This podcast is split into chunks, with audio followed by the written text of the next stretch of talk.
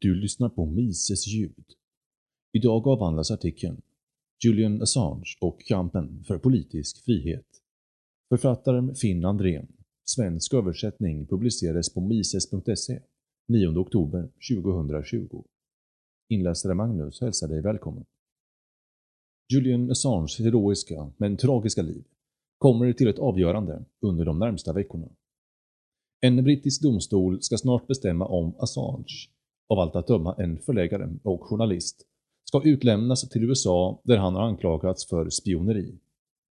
Även om många människor runt om i världen har följt Assanges svårigheter till och från det senaste decenniet, är det verkligen nu, under denna farsartade rättegång i London, som innebörden av kampen för politisk frihet borde bli tydlig för alla. I den vidaste bemärkelsen kan politisk frihet definieras som friheten från statens tvång. När det finns en stat, hur liten den än må vara, så kan politisk frihet aldrig vara fullständig. Och det kan aldrig tas för givet heller. Det måste finnas en kamp för politisk frihet i varje samhälle. Inte minst för att försvara gårdagens framsteg. Även om det finns mer politisk frihet i väst idag än när Bertrand Russell låstes in för att ha motsatt sig värnplikten under första världskriget, har staten fortfarande inga betänkligheter med att trampa på individuella rättigheter när dess intressen utmanas. Assange har spionerats på, fängslats och torterats. Rätten till privatliv för miljontals vanliga människor har kränkts genom hemliga, olagliga övervakningsprogram som genomförs av underrättelsetjänsten, av vilka vissa har avslöjats av Assange och de källor han har arbetat med.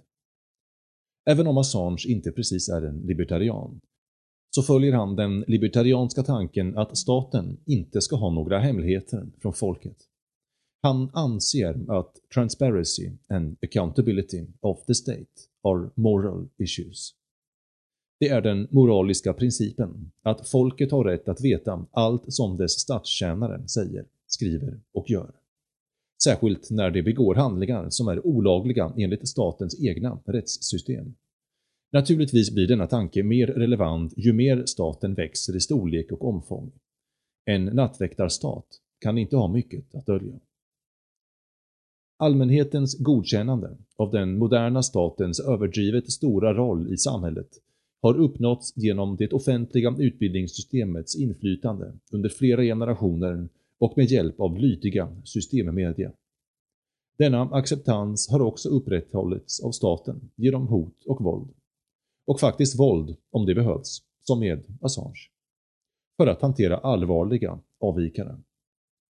Staten behöver en tillmötesgående folkopinion för att styra och tolererar därför inte någon som kan försvaga folkets tysta godkännande av en stat med fingrarna i alla syltburkar.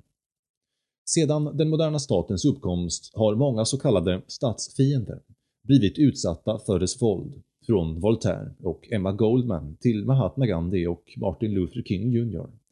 Att ta upp kampen för politisk frihet är en oerhörd utmaning, vilket Assange upplever nu. När denna kamp börjar ge resultat medför den omedelbara faror eftersom staten, som vilken organism som helst, kommer att försvara sig. Den kan inte acceptera framgångsrika försök att undergräva dess berättigande och begränsa dess makt, eller att avslöja dess hemligheter. Den börjar då med att försöka avskräcka och ofta framgångsrikt truga de mindre beslutsamma dissidenterna.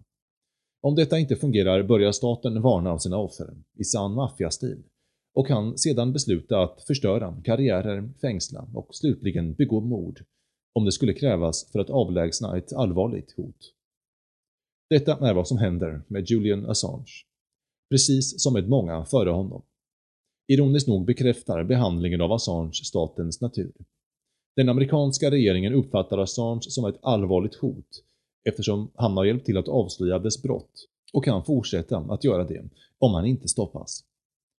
Tack vare Wikileaks som Assange har lett känner nu allmänheten till amerikanska militärens krigsförbrytelser, CIAs massövervakningsprogram, USAs politiska korruption och många andra olagliga handlingar som begåtts av statsapparaten.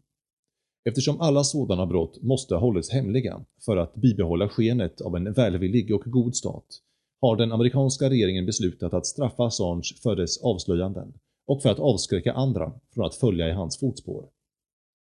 Washingtons åtgärder mot Assange bekräftar den amerikanska federala statens hänsynslösa och våldsamma karaktär.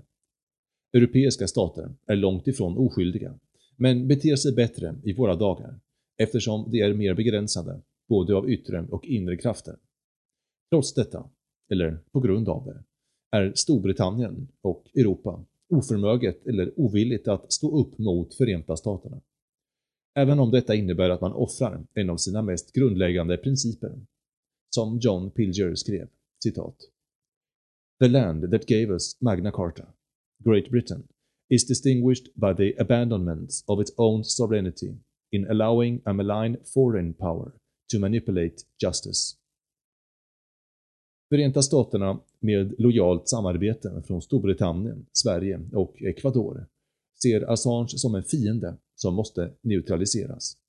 Även om detta innebär att man öppet strider mot grundläggande rättsstatsprinciper som denna stat mer eller mindre har följt sedan grundandet. Det viktigaste av dessa principer är naturligtvis yttrande och tryckfrihet, skyddade av första tillägget i USAs författning. Men det faktum att Förenta Staterna och Storbritannien nu öppet struntar i Assange grundläggande rättigheter är en risk för deras anseende och därför antagligen också ett tecken på en viss ängslighet. Även om den amerikanska regeringen ännu inte har vunnit, så ser Assange framtid ganska dyster ut. Trots det stöd han har fått från många välkända institutioner. Men på lång sikt kan hans mycket offentliga fall sannolikt bidra till ökad politisk frihet. Assange öde, efter att ha publicerat sanningsenlig information om statens olagliga och omoraliska beteende, skulle äntligen kunna få fler människor att inse att många av statens handlingar, vare sig det är dolda eller inte, i grund och botten strider mot deras egna intressen.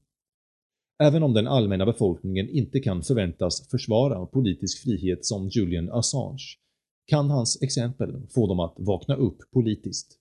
Som George Santayana skrev, citat. Unless all those concerned keep a vigilant eye on the course of public business and frequently pronounce on its conduct, they will before long awake to the fact that they have been ignored and enslaved.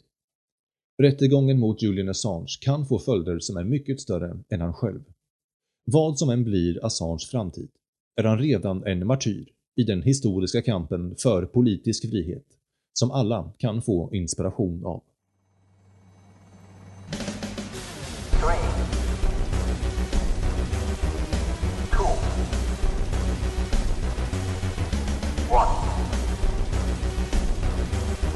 fast.